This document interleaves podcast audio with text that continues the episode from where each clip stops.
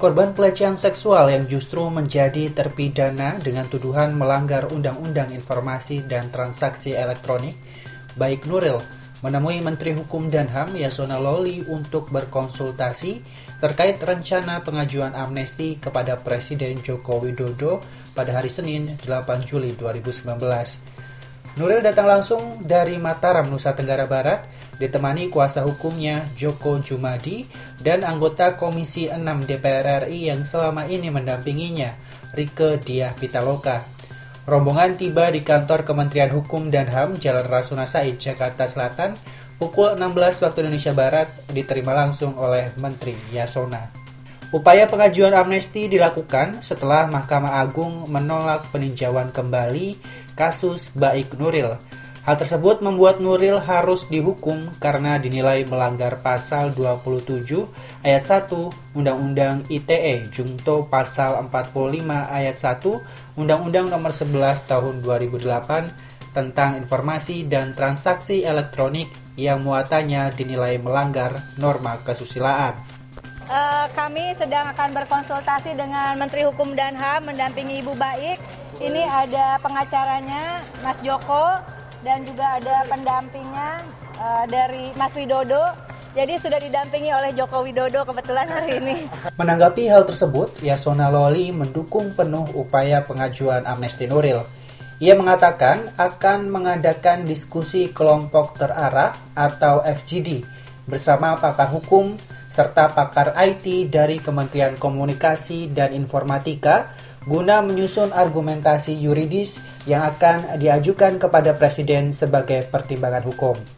Yasona Loli menjelaskan amnesti menjadi cara terbaik agar Nuril terlepas dari jerat hukum. Presiden memiliki hak prerogatif untuk memberikan amnesti atau ampunan kepada warganya yang terjerat kasus pidana berdasarkan Undang-Undang 1945 Pasal 14 Ayat 2 hasil amandemen. Kami akan menyusun pendapat hukum kepada Bapak Presiden ya tentang hal ini. Bahwa kemungkinan yang paling tepat adalah amnesti.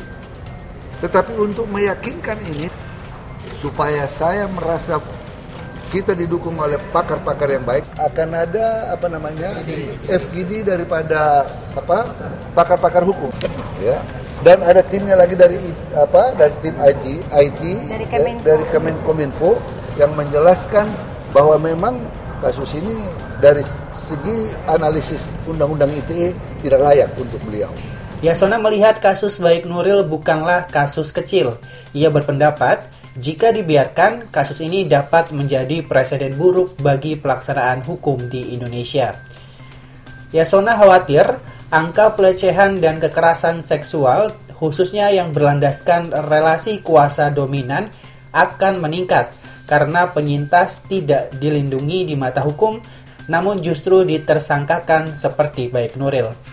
Tak tinggal diam, sembari Kementerian Hukum dan HAM mengkaji dan menyusun argumentasi yuridis, pendamping hukum baik Nuril akan mengajukan penangguhan penahanan kepada Jaksa Agung. Pendamping hukum Nuril yang juga anggota Komisi 6 DPR RI, Rike Diah Pitaloka mengatakan penangguhan penahanan harus dilakukan agar Nuril dapat fokus mengajukan amnesti kepada Presiden. Sebagai informasi, dalam kasus ini Nuril dijatuhi hukuman 6 bulan penjara dan denda 500 juta rupiah, subsidiar 3 bulan kurungan penjara.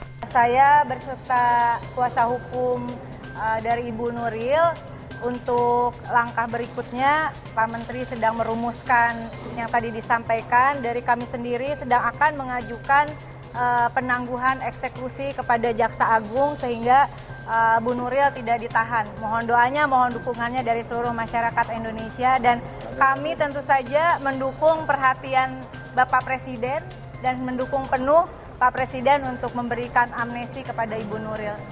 Pada kesempatan tersebut, baik Nuril juga mengucapkan banyak terima kasih kepada semua pihak yang turut membantu dan mendoakannya. Ia mengatakan tidak akan menyerah untuk mencari keadilan Nuril berharap Presiden akan memberikan perhatian khusus kepada kasusnya dan mau memberikan amnesti kepadanya. Menurutnya saya ucapkan terima kasih, terima kasih, terima kasih. Harapannya sampai saat ini saya masih bisa berdiri di sini saya ingin mencari keadilan. Saya tidak akan menyerah.